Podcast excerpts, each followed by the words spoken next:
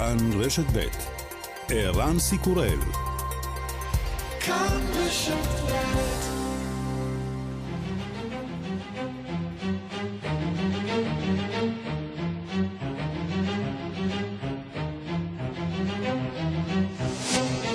השעה הבינלאומית 6 באוגוסט 2023 והיום בעולם. פג תוקפו של האולטימטום שהציבו מנהיגי מדינות מערב אפריקה לחונטה הצבאית בניג'ר, שבה בוצעה הפיכה בשבוע שעבר. מנהיגי הקהילה הכלכלית של מדינות מערב אפריקה נפגשו לפסגת חירום באבוג'ה בירת ניגריה, ואפשר שיפלשו לניג'ר אם החונטה הצבאית לא תשחרר את הנשיא בזום עד היום. רבים מתושבי הבירה ניאמי דווקא מתייצבים לצד החונטה, ורואים במדינות האחרות זרוע של מדינות המערב.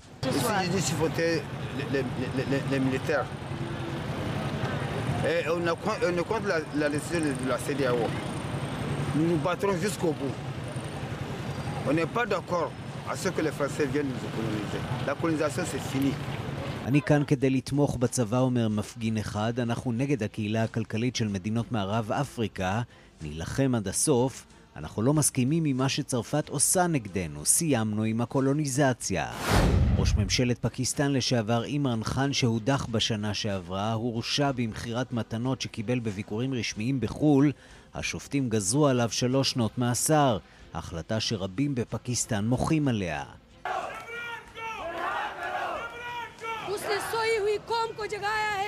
और इंशाल्लाह पूरी कौम निकलेगी अभी तक सबको मैसेज कन्वे नहीं हुआ है אימרן חאן העיר אומה ישנה, אומרת תומכת אחת, ובעזרת אללה כל העם יצא החוצה.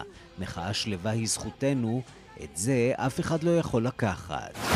נשיא ארצות הברית לשעבר דונלד טראמפ במתקפה שלוחת רסן נגד סגנו לשעבר מייק פנס, כמה שעות לאחר שרשויות התביעה הביעו חשש שפרסומיו ברשתות החברתיות עלולים להלך אימים על עדים אפשריים בפרשת ניסיון הטיית הבחירות לנשיאות. סוף סוף זה קרה, מייק פנס הקטן, הוא אומר, אדם שעמד להיות מודח מתפקיד מושל אינדיאנה עד שהפכתי אותו לסגן הנשיא, עבר לצד האפל. בנאום בחירות אתמול תקף טראמפ את התובע שהגיש נגדו כתב אישום על מעורבותו באירועי המרד על הקפיטול. Really uh, and it is an outrageous criminalization of political speech. אני מאמין שהוא חולה נפש, זה מזעזע, זאת הפללה של נאום פוליטי. הם מנסים להוציא מחוץ לחוק הטלת ספק בתוצאות בחירות? אנדרטת אימא מולדת בקייב עוברת מתיחת פנים שמוחקת את ההיסטוריה הסובייטית. הסמל האוקראיני הוטבע על הפסל המפורסם והחליף את הפטיש והמגל. Цього не потрібно було чекати 30 років. Це потрібно було зробити набагато раніше. Ось тому для мене це дуже велика честь і дуже велика гордість нашому. זה לא היה צריך לקחת 30 שנה, אומר תושב קייב, זה היה צריך לקרות הרבה יותר מוקדם. זה כבוד גדול וגאווה גדולה עבורי. הסמל האוקראיני שלנו הוא בן יותר מאלף שנה, והוא מותקן במקום שבו הוא צריך להיות תמיד, לנצח. וגם...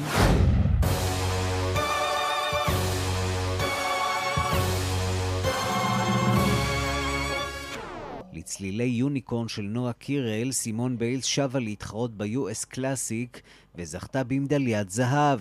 המטרה הבאה אולימפיאדת טוקיו, והפעם מתוך רוגע, איזון ושליטה.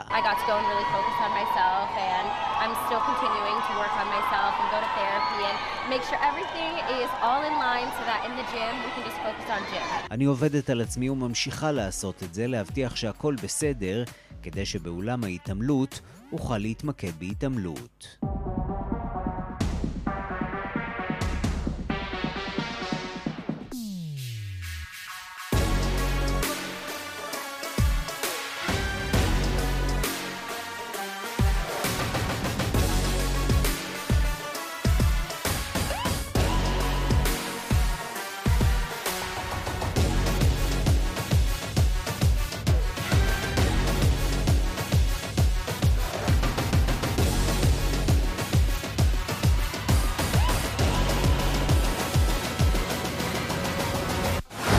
השעה הבינלאומית שעורך איתמר דרוקמן, בביצוע הטכני שמעון דו קרקר, אני רנסי קורל, אנחנו מתחילים.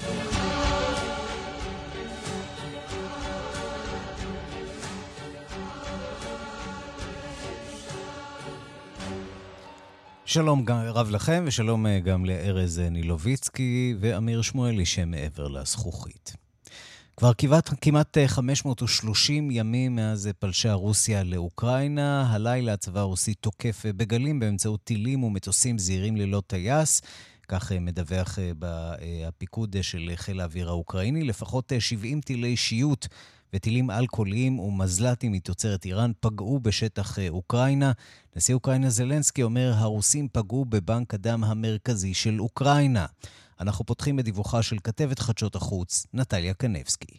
קייב טוענת שהצליחה ליירט 30 מתוך 40 טילי שיוט ו-27 מזל"טים מסוג שאהד במהלך הלילה.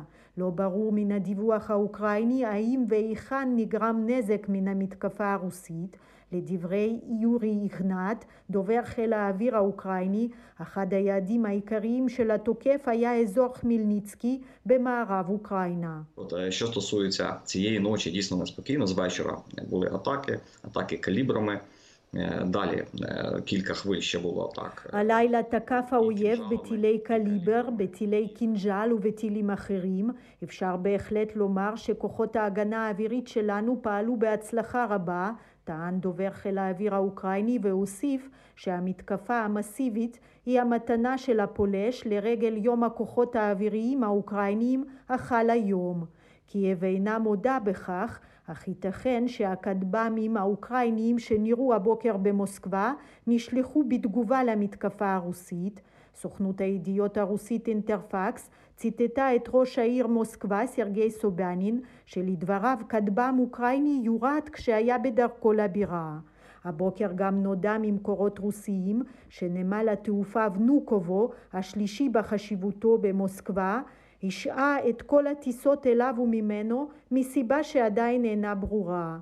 בשבוע שעבר הוא נסגר לכמה שעות בגלל מתקפת כטב"מים אוקראינית בפאתי מוסקבה. ובזירה הבינלאומית מנסים היום בכירים מכ-40 מדינות למצוא מצע משותף בדרך לסיום המלחמה של רוסיה באוקראינה. הנציגים הרוסיים לא הוזמנו לשיחות שהחלו אתמול בג'דה שבערב הסעודית. Будемо продовжувати говорити про нашу формулу миру. Вона ми вважаємо, що саме вона повинна бути נמשיך לדבר על נוסחת השלום שלנו שאמורה לשמש בסיס להסכם השלום העתידי. אני מעריך שהשיחות האלה יהיו סבוכות, אך האמת והטוב הם לצידנו, אמר לטלוויזיה האוקראינית השליח המיוחד בשיחות אנדרי ירמק, ראש לשכת נשיא אוקראינה.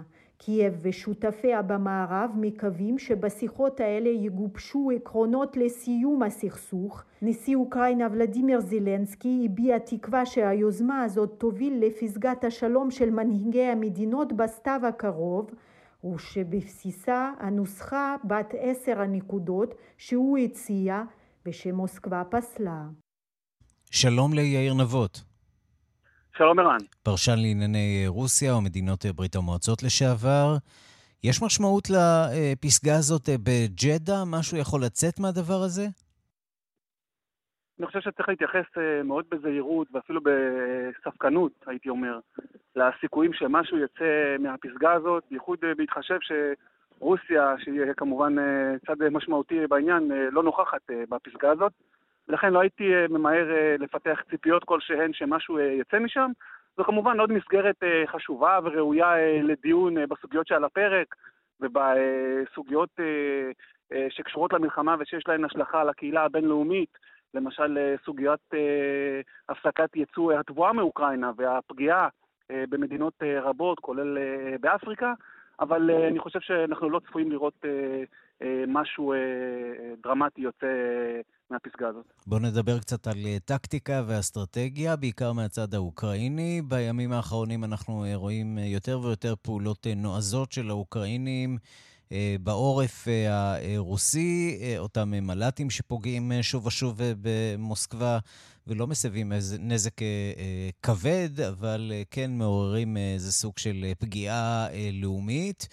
אה, גם הניסיונות לפגוע אה, באותן אה, ספינות מלחמה רוסיות שדי מצליח לאוקראינים, אבל בסופו של דבר המאבק האמיתי הוא מה קורה בשטח, ושם אין ממש הצלחות, נכון?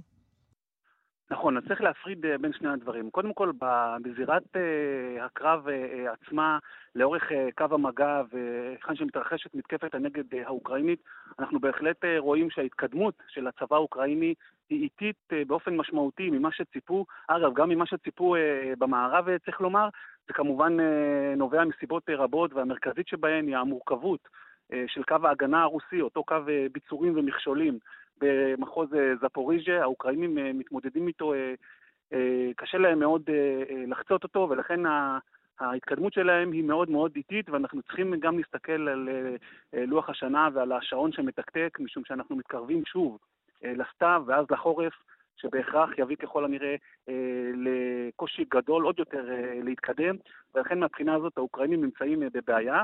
עכשיו, במקביל למה שמתרחש שם, אנחנו כמובן רואים, כמו שאמרת, את חילופי המהלומות הללו, בעיקר אה, בזירה אה, הימית אה, בים השחור, אנחנו רואים שהאוקראינים צוברים יותר תעוזה, הם משתמשים בכלי שיט בלתי מאוישים חדישים ומודרניים, ומצליחים לתקוף ממש בשבוע האחרון כמה וכמה פעמים נכסים רוסים, בין השאר נחתת רוסית גדולה שמושבתת ומובלת חזרה לבסיס הצי בנובו-רסיסק. וגם אה, כמובן אותה פגיעה במכלית הנפט אה, אה, הרוסית, כל זה מגיע, צריך לומר, כתגובה אוקראינית להפצצות הרוסיות העקביות המתמשכות על תשתיות ייצוא החיטה של אוקראינה בנמלי דרום אוקראינה בים השחור באזור אודסה.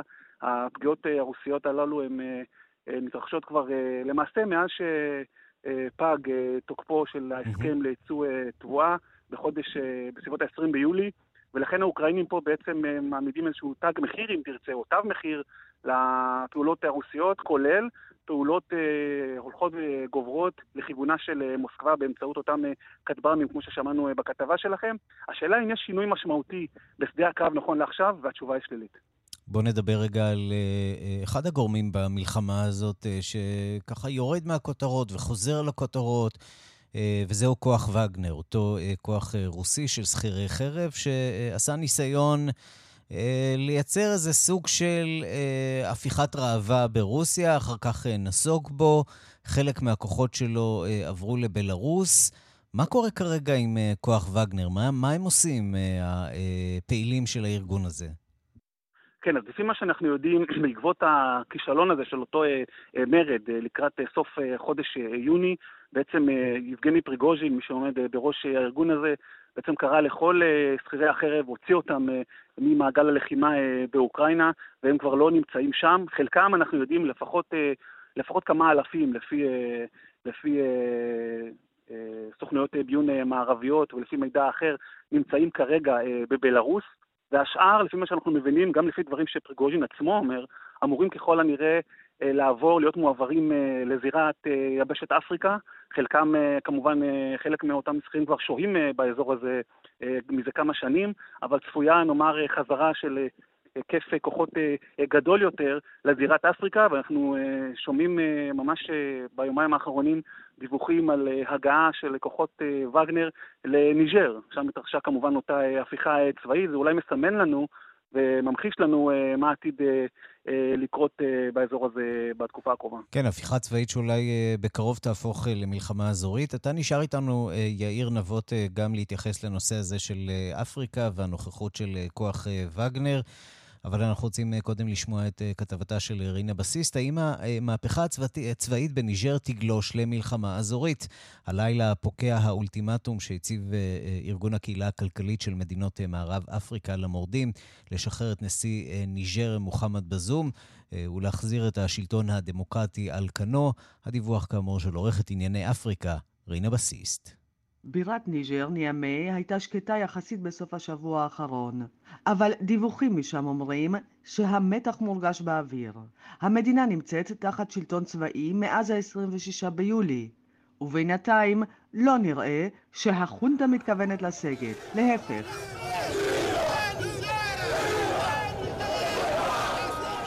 ההפגנות במדינה בימים האחרונים קראו שוב ושוב לצרפת להשיג משם את כוחותיה.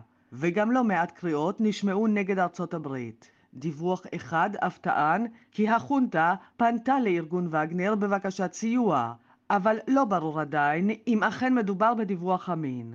הקהילה הכלכלית של מדינות מערב אפריקה, ארגון המאגד את המדינות באזור, קרא בשבוע שעבר למורדים לשחרר את הנשיא בזום, שמוחזק במעצר מתחילת ההפיכה.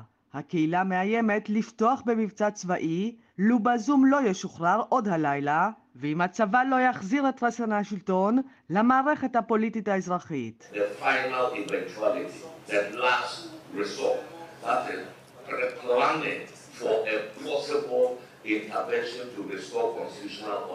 מכובדיי, אתם כאן כדי לדון באפשרות הסופית מאוד, במוצא האחרון ממש, של תכנון התערבות צבאית להחזרת הסדר החוקתי בניג'ר. כך הודיע נשיא הקהילה הכלכלית לעמיתיו בשבוע האחרון. חברי הממשלה של ניג'ר, אשר שוחררו מתפקידם, גם הם ממשיכים לקרוא לשחרורו של הנשיא. à que le président Bazoum soit libéré, qu'il soit réinstallé sur son fauteuil אנחנו מצפים שהנשיא בזום ישוחרר, שיוחזר לכס הנשיאות, ושכל המוסדות הממשלתיים שפוזרו כביכול, יחזרו לכונן באופן מלא. כך חזר ואמר במהלך סוף השבוע האחרון, אוהמוד ומעמדו, ראש ממשלת ניג'ר.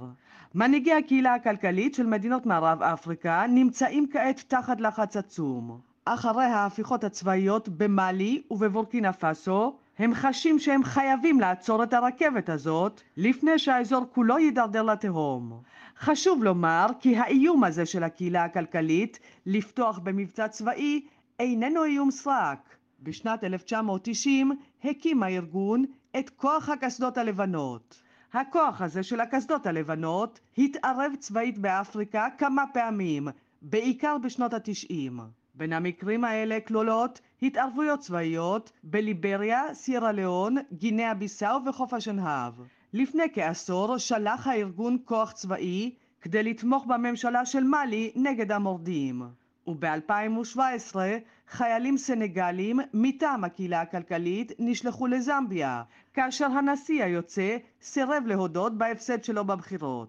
כל זאת איננו אומר שפני הקהילה הכלכלית כעת לקראת עימות צבאי עם החונטה בניג'ר.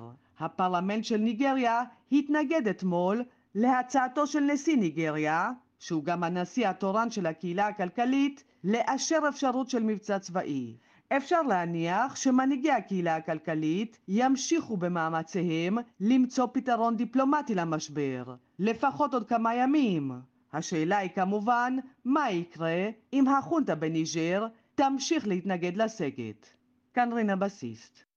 אנחנו מצרפים אלינו את אה, דוקטור חיים קורן אה, מאוניברסיטת אה, רייכמן, שגריר ישראל הראשון לדרום סודאן, השגריר למאוריטניה, השגריר למצרים.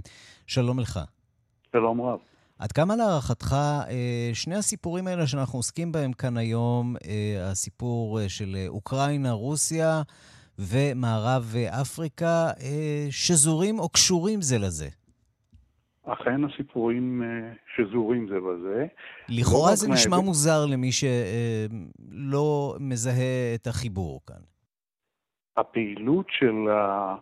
אה, של מיליציית וגנר באפריקה היא דבר שנמשך כבר איזו תקופה, ואם אנחנו מתייחסים למקרה הזה של ניג'ר, ורואים כמה הם מעורבים ב... במאלי ובבורקינה פאסו, מבינים מאיפה צצות השמועות של הפנייה אה, ליבגני פריגוז'ין להתכנס גם לסיפור של ניג'ר, שזה מהווה חלק ממעורבות של כוחות אה, חיצוניים שנמצאים באפריקה וגם בחלק הזה של אפריקה. אני כבר לא מדבר על סין שמעורבת הרבה זמן או על טורקיה, אבל בהחלט הסיפור של רוסיה, מול הסיפור של צרפת וארצות הברית, שניג'ר עבורם של, כמקור של אורניום וזהב ומחצבים אחרים, בעיקר צרפת עם הכורים הגרעיניים, מצטרף, נאמר, למה שקרה אה, לא מזמן בצ'אד, ששם בן ירש את אביו, אה, ונחשבת כאזור עם צבא יחסית טוב שיכול לייצב אה, סכסוכים באפריקה, כאילו מאחז אחר מאחז הולך לאיבוד מהצרפתים, ויש מחאות פנימיות. הדבר הזה מקרין מהאזור הזה של, אה, של ניג'ר ולוב וצ'אד ועד למערב אפריקה, עד למאלי, שאנחנו עדים בשנים האחרונות, לפחות בשנתיים האחרונות, כיצד הטרור מחלחל בצורה מתעצמת ממאלי למטה לכיוון בורקינה פאסו. אנחנו מדברים בעצם על שלוש מדינות ש... שעברו בשנים האחרונות תהליכים אה, דומים, אה, השתלטות של חונטה צבאית, אה, בעלת מאפיינים איסלאמיסטיים כאלה ואחרים. יאיר נבות, פרשן לענייני רוסיה, מתי התחילה בכלל המעורבות של כוח וגנר, ומה המטרה של המעורבות הזאת מעבר למשאבים כלכליים, שזה יש בשפע באפריקה? כן, אז קודם כל המעורבות של כוח וגנר ביבשת אפריקה החלה בתחילת uh, העשור uh, הקודם, ובעצם הלכה והואצה במשך השנים. צריך לזכור שרוסיה מתמודדת ביבשת אפריקה מול כוחות חיצוניים, נקרא להם, חזקים בהרבה ממנה. למשל, היכולת הרוסית להתמודד עם ההשקעות הפיננסיות של סין בתשתיות ברחבי אה, אפריקה היא כמובן אה, כמעט מבוטלת. ולכן הרוסים כל הזמן מחפשים דרכים אה, להשפיע, בין אם דרכים השפעה, השפעה רכה, ובין אם באמצעות כוחות אחרים כמו כוח וגנר, שבעצם מסייע לרוסים להגדיל את השפעתן ברחבי היבשת על ידי התחברות למנהיגים ברחבי היבשת שמעוניינים בתמיכה הזאת, אה, תמורת אה, כמובן אה, מתן הטבות כאלה ואחרות. במילים אחרות, הם בעצם, מה שהם עושים זה נכנסים למדינות האלה, מתבייתים על גורמים בדלניים או גורמים בתוך הצבא, משכנעים אותם למרוד, ובעצם כך הם מושלים דרכם. כך רוסיה מושלת דרך אותם מנהיגים, מנהיגי בובות. תראה, לאותם מנהיגים בעצם רוסיה מציעה באמצעות uh, כוח וגנר, כמובן לא באופן רשמי, אלא באמצעות uh, כוח וגנר עסקה שקשה להם uh, מאוד לסרב לה. או כוח וגנר בעצם תומך באותם שליטים, מבצר את שלטונם, מסייע להם להגיע לשלטון ולחזק את כוחם, ובתמורה הם כמובן הם מקבלים סוגים של הטבות כספיות, חומריות, משאבים כאלה ואחרים, אם זה זהב, אם זה דריסת רגל uh, אה, עסקית אה, באותן אה, מדינות, ועבור רוסיה חשוב להזכיר ולציין שזו עוד דרך למעשה לתקוע אצבע בעינו של המערב. הרוסים כמובן פועלים בכל רחבי היבשת מתוך העיקרון של לחזק את הסנטימנט האנטי-מערבי בהסתמך ובהתבסס כמובן על, זיכר, על זיכרון הקולוניאלי, ובמידה רבה במקומות מסוימים זה מצליח להם, לא בכל מקום. אבל uh, צריך uh, בהקשר הזה גם לומר שהמלחמה uh, באוקראינה למשל מאוד פגעה ביכולת, ביכולת המינוף הרוסית ברחבי היבשת מכמה וכמה סיבות, וזה בא לידי ביטוי היטב באותה, באותה ועידת uh, רוסיה-אפריקה שהתרחשה ממש בשבוע uh, שעבר, והייתה uh, אה, בהשוואה לוועידה הקודמת ב-2019. שהיא גם בעצם אה, חלק מהניסיונות אה, הרוסים להגביר את ההשפעה שלהם. ואני רוצה לשאול אותך, דוקטור חיים קורן, אוניברסיטת רייכמן, איפה מדינות המערב פה בתוך כל הסיפור הזה? מה, נרדמו בשמירה? איך, איך, איך קרה שמדינה חשובה וגדולה כמו צרפת, עם הרבה מאוד השפעה על מערב אפריקה, שארצות הברית הגדולה, אפשרו למיליציות רוסיות בעצם אה, להיכנס אה, למדינות אה, במערב אפריקה ולשנות שם משטרים כאילו אין בעל הבית. המורכבות של המאבקים בעולם עכשיו היא כזאת שצרפת כבר איבדה את המאחזים שלה במאלי לא מזמן. ארצות הברית שידרה כבר תקופה ממושכת סימנים שיש לה עניין לא להתערב יותר מדי באזור הזה.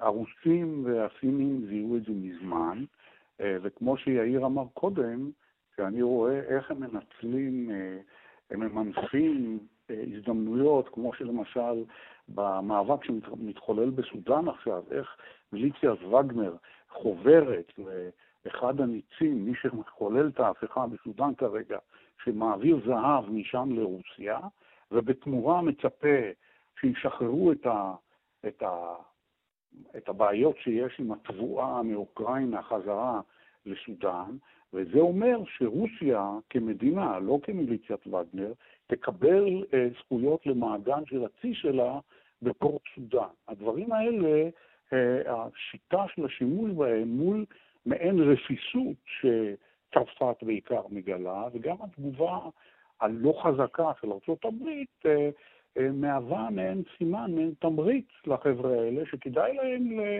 להעז יותר ולהיכנס יותר ולהשתמש באמצעים שעומדים לרשותם. ועכשיו אה, מדינות כמו הברית וצרפת אה, ניצבות בפני דילמה, האם להשקיע את המאמצים שלהם, אה, להמשיך להשקיע מאמצים באוקראינה, או אולי צריך לפצל את המאמצים כדי לטפל במשבר הזה שפרץ שם במערב אפריקה.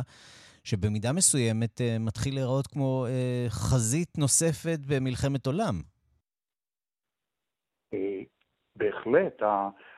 הרי ניג'ר היא כמשל לענייננו פה, כי חוסר היציבות הזה, שהוא האבן הראשה למשל למדיניות האמריקאית והצרפתית, גם במערב אפריקה וגם בקרן אפריקה, שכל העניין של שימור היציבות ויצירת הקואליציה עם כוחות שיכולים להילחם בטרור, והטרור מרים ראש, הוא חובר מסומליה, שבה בואכה בוקו חרם שעולה מהרפובליקה המרכז אפריקנית ללוב ולאל-קאעידה בצפון אפריקה ולארגונים אחרים, ומנצל את הוואקום הזה, ומתודלק על ידי גורמים אינטרסנטיים שהם מנוגדים למדיניות של צרפת, של ארצות הברית. אגב, גם אנחנו בעניין הזה, בגזרה של צ'אד אה, והגבול עם סודאן ולוב.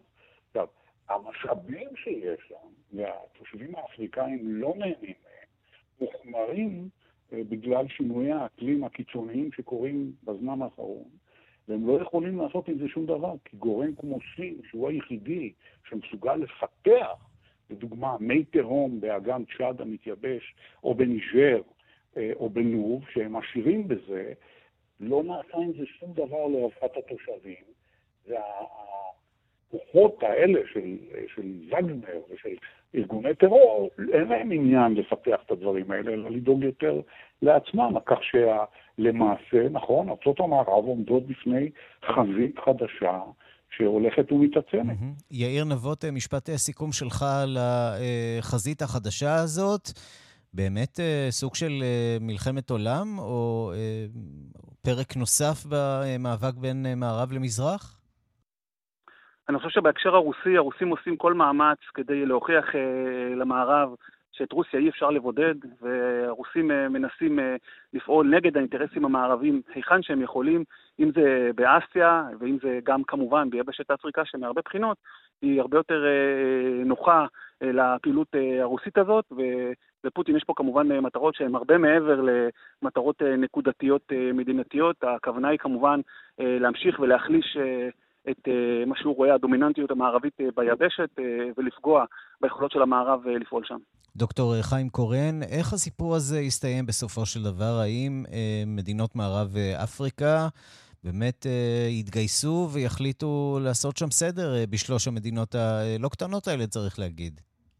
נכון שלמדינות מערב אפריקה יש כוח, וכמו שרינה אמרה קודם, הם הפעילו אותו כבר בעבר, אבל גם מדינות אחרות באפריקה, שהן נשלטות על ידי למשל מאלי, בורקינה פאסו, שהן בעד החונטה הזאת, ואלג'יריה שלא מתערבת אה, מסיבותיה שלה, אה, אה, יכולות לגרום להידרדרות במצב. אז אנחנו צריכים רגע קודם כל לחכות ולראות מה יעלה האולטימטום לגבי היום, איך הוא יסתיים, כיצד תגזנה צרפת וארצות הברית, איזה התפתחויות תקרנה בימים הקרובים. דוקטור אה, חיים קורן אה, מאוניברסיטת אה, רייכמן, מי שהיה שגריר ישראל הראשון לדרום סודאן, השגריר למאוריטניה, השגריר למצרים. יאיר נבות, מומחה לרוסיה ומדינות ברית המועצות לשעבר, תודה רבה לשניכם.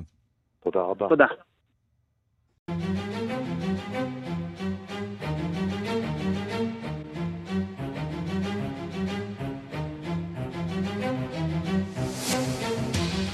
סעודיה קוראת הלילה לאזרחיה לעזוב במהירות את שטח לבנון ולהימנע מלהתקרב לאזורים שבהם מתרחשים עימותים אה, מזוינים. מה קורה שם בלבנון? אנחנו רוצים אה, לומר שלום לאורנה מזרחי. שלום, צהריים טובים. חוקרת בכירה במכון למחקר ביטחון לאומי, סגנית ראש אה, המל"ל לשעבר. אז מה קורה שם? אה, קורים הרבה דברים בלבנון המפוצלת והמורכבת כל כך, אבל מה שקרה בשבוע האחרון היה אירועים בתוך אה, מחנה הפליטים הפלסטיני. עין אל-חילווש, היו שם עימותים אלימים, עם אלימות די קשה, עד כדי לא רק שימוש בנשק קל, גם מרגמות וכל מיני. אה, שהובילו לאיזה עשרה הרוגים ושישים פצועים, לבריחה של אנשים מהבתים. באמת אירוע אה, יחסית רחב וקשה ממה ש... זה חריג, אבל צריך לומר, זה לא מאוד חריג, זה קורה אחת לכמה אה, שנים שיש נכון, התלקחות נכון, במחנות נכון. הפלסטיניים. חריג, אמרתי, לתקופה, לשנים, לתקופה האחרונה, בוא נגדיר ככה. Mm-hmm. והעימות הוא בין אה, גורמים אסלאמיסטים פלסטינים, אה, אסלאמיסטים קיצוניים, אה, לפת"ח, אה, על רקע של איזשהו ניסיון התנגשות באחד ממנהיגי האסלאמיסטים, ובסופו של דבר הם נקמו והם אה, הצליחו אולי יותר ממה שהם קיוו, הם הרגו את ראש, ראש תחום הביטחון הלאומי שם הפלסטיני במחנה, בכיר מאוד בפת"ח. אה, נדמה לי משהו בדרגת העל, ועוד נוספים שהיו איתו, ואחר כך במהלך הקרבות נהרגו עוד נוספים. וכמובן שבלבנון אה, היה מאמץ להרגיע מיד, וזה... זו הייתה בעצם אה, תזכורת לשתי תופעות מאוד אה, בעייתיות אה, בלבנון, כפולה. אחת, לנוכחות הפלסטינית אה, בלבנון ולעובדה שהיא, אה, אחד, גם היא מערערת יציבות, לא רק חיזבאללה. נוכחות לא פתורה, כיוון שמדובר אה, כן. בפליטים שבאמת אה, חיים אה, כפליטים, הם לא זוכים בזכויות אזרחיות שם. נכון, פליטים במחנות הפליטים, חלקם קצת החוצה, אבל... אה, אין אפילו ודאות לגבי המספר שלהם, שמעתי החל מ-180 אלף ועד 400 אלף. אה, זה לגבי העניין הזה של הנוכחות של הפליטים, שגם, של הפלסטינים בדרום לבנון, שגם מייצרים חיכוכים עם ישראל, וזה כבר ראינו אה, תזכורת מאוד משמעותית בעניין הזה, הייתה לנו באפריל האחרון של הירי, של מה שאז הוגדר כי כנראה גורמי חמאס אה, פלסטינים אה, בדרום לבנון אה, על צפון, על צפון ישראל. אגב, כאן אנחנו מדברים על מעורבות של חמאס או פת"ח וגורמים, לא, פתח גורמי ג'יהאד אחרים? כן, פת"ח ו... משהו יותר מהתחום של דאעש? קיצונים מחמאס, כן, יותר, כן, עוזבת אל-אנסאר, כאלה. Mm-hmm. עכשיו, התזכורת השנייה הייתה לגבי סוגיה שדווקא אנחנו אוהבים שהיא מתעוררת מדי פעם בלבנון, של אה, קיומו של הנשק הבלתי חוקי ב- בלבנון. Mm-hmm. שהוא נמצא לא רק בידי הפלסטינים, וכמובן המחזיק הראשי בנשק הלא חוקי עד כדי כמעט צבא זה חיזבאללה. אה, שככל שהמצב בלבנון אה, הופך להיות קשה יותר ויותר לתושבים שם, אז התובנה שהנש... שקיומה של המיליציה הזו והחזקת הנשק בידי חיזבאללה באופן עצמאי, היא לאו דווקא אה, מסייעת ליציבות, אלא להפך, ונשמעים קולות גם בעניין הזה. אז נשאלת השאלה באמת, איפה חיזבאללה פה בתוך כל הסיפור הזה, והאם אה, הוא אה, תופס את עצמו אולי כסוג של גורם שיכול אה, להרגיע את המתיחות הזאת? כן, תופס הוא, את עצמו כנראה, כמבוגר כנראה האחראי. בלבנון במרכאות? כן, הוא כנראה לא אוהב את, ה, את האירועים האלה, שהם לא בשליטה והם עלולים להתפתח אה, לעימותים לא רצויים מבחינתו, ולכן האינטרס שלו הוא בלהרגיע. הוא לא מתערב אה, פיזית בעניין הזה, הוא כמובן שולח את אה, אה, צבא לבנון אה, לעסוק בהרגעה, אבל כנראה שהוא היה מעורב במגעי התיווך אה, בין הגורמים כדי להגיע להפסקת אה, אש. צבא לבנון גם לא נכנס לתוך המחנה, הוא נמנע מלהתערב ממש בלחימה, אלא כיתר את המחנה והיו לו אפילו כמה נפגעים, אבל לא מעורב ישירות באירועים. מדינה וחיזבאללה... בתוך מדינה בתוך מדינה בתוך מדינה. כך זה מתנהל שם. עד חזקה, הייתי מסתפקת בחזקה שלישית. זאת אומרת, אוקיי. זה חיזבאללה בתוך המדינה הלבנונית, וה, והפלסטינים גם uh, כקבוצה במחנות שלהם uh, נמצאים גם הם. ואנחנו כמובן עומדים, עומדים מול uh, כל הטוב הזה. ותוהים כיצד להתנהל מול זה, מול התוקפנות והתעוזה של חיזבאללה בשבועות האחרונים, והאירועים האלה, זה לא מעודד, נכון? זה לא מעודד. זה, קודם כל זה לא קשור לאירועים האלה שראינו, לא בהכרח קשור, למרות שראיתי כל מיני פרשנויות שמנסות לקשור את זה לאירועים יותר רחבים, זירתיים, היציאה של סעודיה, אולי זה קשור למהלכים של איראן וכדומה. לא, אני, אני לא, לא הייתי נכנסת לשם כרגע, הייתי אומרת שזה יותר אירוע פנימי, אה, אה, בפנימי אה, פלסטין, של הפלסטינים בלבנון ובלבנון, והוא נפרד ממה שקור, שאנחנו חווים אה, לאורך הגבול בחודשים האחרונים, שזה החיכוכים והתעוזה של, אה, של חיזבאללה לאורך הגבול.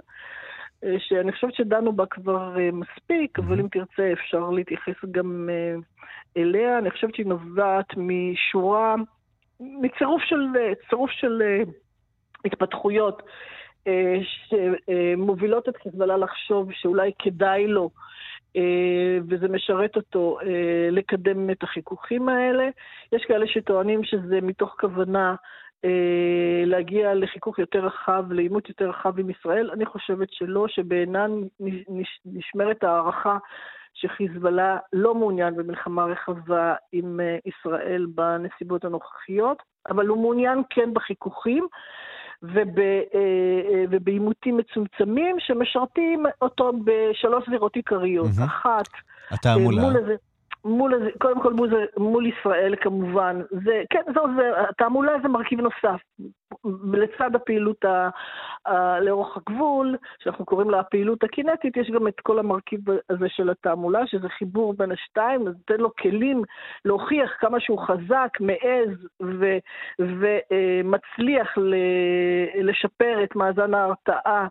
אה, מול אה, ישראל, זה פעם אחת מול ישראל. פעם mm-hmm. שנייה זה מול הזירה הלבנונית, להוכיח שחיזבאללה הוא לא רק נטל, ושהחזקת הנשק העצמאי שדיברנו עליה קודם, גם משרתת את המדינה הלבנונית, כי הוא בעצם מגן לבנון נגד ישראל. טוב, הוא מגן לבנון. ומדינות ערב, כמובן אנחנו רואים את הדאגה שלהן, אבל אנחנו נסתפק בדברים האלה. רגע, תן לי רק את כן, המשפט כן. האחרון, כן. את הזירה השלישית שמולה mm-hmm. חשוב לו להפגין אה, עשייה ונוכחות, זה האיראנים, שמעוניינים מאוד שחיזבאללה יעשה יותר ממה שהוא עושה, ולכן אה, זה משרת אותו גם מולם. אורנה מזרחי, חוקרת אה, בכירה במכון למחקר ביטחון לאומי, סגנית ראש המל"ל לשעבר, תודה רבה לך על הדברים. תודה לך וצהריים טובים.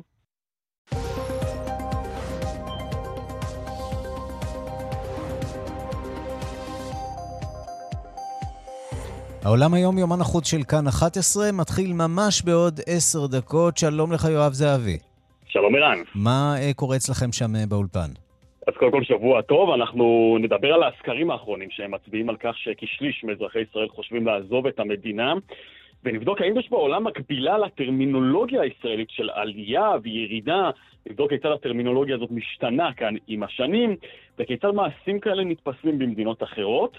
נדבר גם על מנהל המזון והתרופות האמריקני שאישר לשימוש בפעם הראשונה גלולה לטיפול בדיכאון אחרי לידה. מדוע זה קורה רק עכשיו, והאם זו בשורה אמיתית? ונבדוק גם, ערן, מי האיש שעומד מאחורי האירוע שהוביל לכאוס אדיר במרכז מנהטן ביום שישי, תמונות מטורללות לחלוטין. כדאי להצטרף, אנחנו מתחילים בשלוש. יואב זהבי, תודה. תודה, ערן.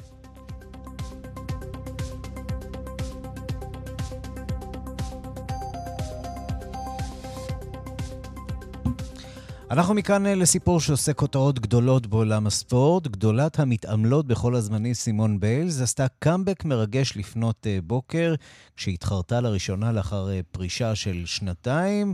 ויש גם דוז פועה מאיתנו, מישראל. שלום לראש תחום הספורט יואב בורוביץ'. שלום ערן, מה שלומך? אה, לא רע, לא רע. אני חייב להודות שהופתעתי. אז כן, קודם כל באמת סיפור מאוד גדול, סימון ביילס, מגדולת הספורטאיות בכל הזמנים, רבים מחשיבים אותה כגדולת המתעמלות.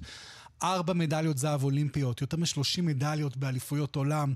באמת מתעמלת אדירה, וכולם זוכרים את הסיפור לפני שנתיים באולימפיאדת טוקיו, כאשר היא חוותה משבר נפשי חמור בזמן המשחקים האולימפיים.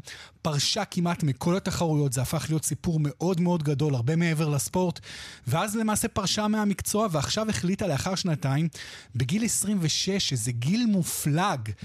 בהתעמלות, באמת, הרבה פעמים המתעמלות הטובות ביותר, נדיה קומנט שהייתה בת 14, אני חושב, כאשר עשתה את הציון 10 הראשון באולימפיאדת מונטריאול 76, אז באמת, גיל מופלג למתעמלות, אבל סימון ביילס עדיין מצוינת. לפנות בוקר באליפות גדולה בארצות הברית זוכה בשלוש מדליות זהב, אבל חלק מהסיפור זה גם השיר שבו היא בחרה להשתמש בתרגיל הקרקע שלה. בואו נקשיב. נראה אם תזהו.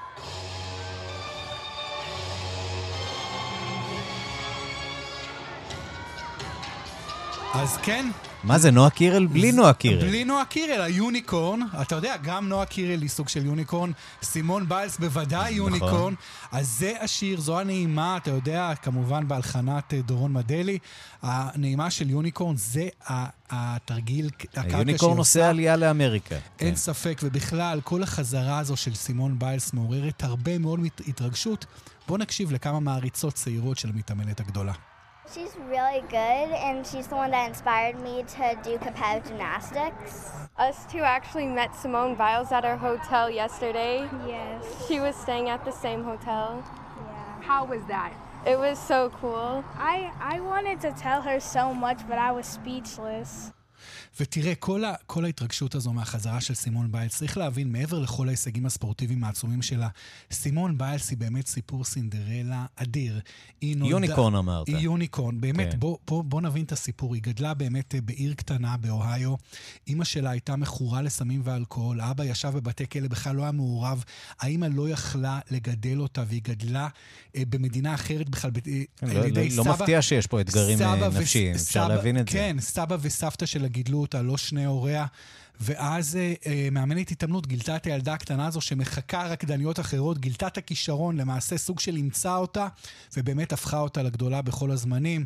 אז סימון ביילס היום היא דמות אמריקאית, אתה יודע, היא קיבלה את מדליית החירות מג'ו ביידן, היא באמת דמות אה, שמעוררת הערצה בכל עולם הספורט. והיא הולכת לאולימפיאדה הבאה. ואם היא תהיה באולימפיאדת פריז בעוד שנה, זה באמת הולך להיות אולי הסיפור הספורטיבי הכי גדול באולימפיאדה הזו.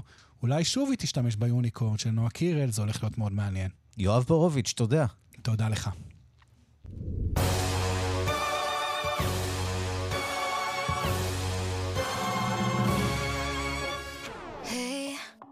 You don't like the way I'm talking, hey. So you stand there, keep on calling me names. No, I'm not your enemy, so if you're gonna do it, don't do it. Hey, do you wanna check my DNA? All the stories time to go away. And believe in fairy tales. Oh, if you're gonna do it, I'm gonna stand in like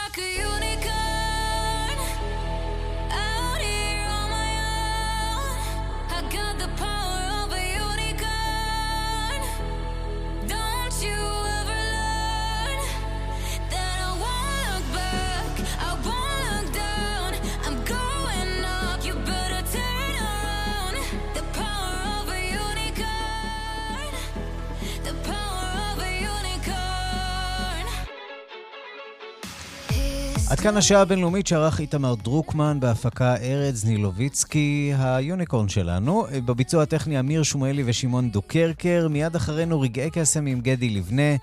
אנחנו נהיה כאן שוב מחר בשתיים בצהריים עם עוד מהדורה של השעה הבינלאומית. להתראות.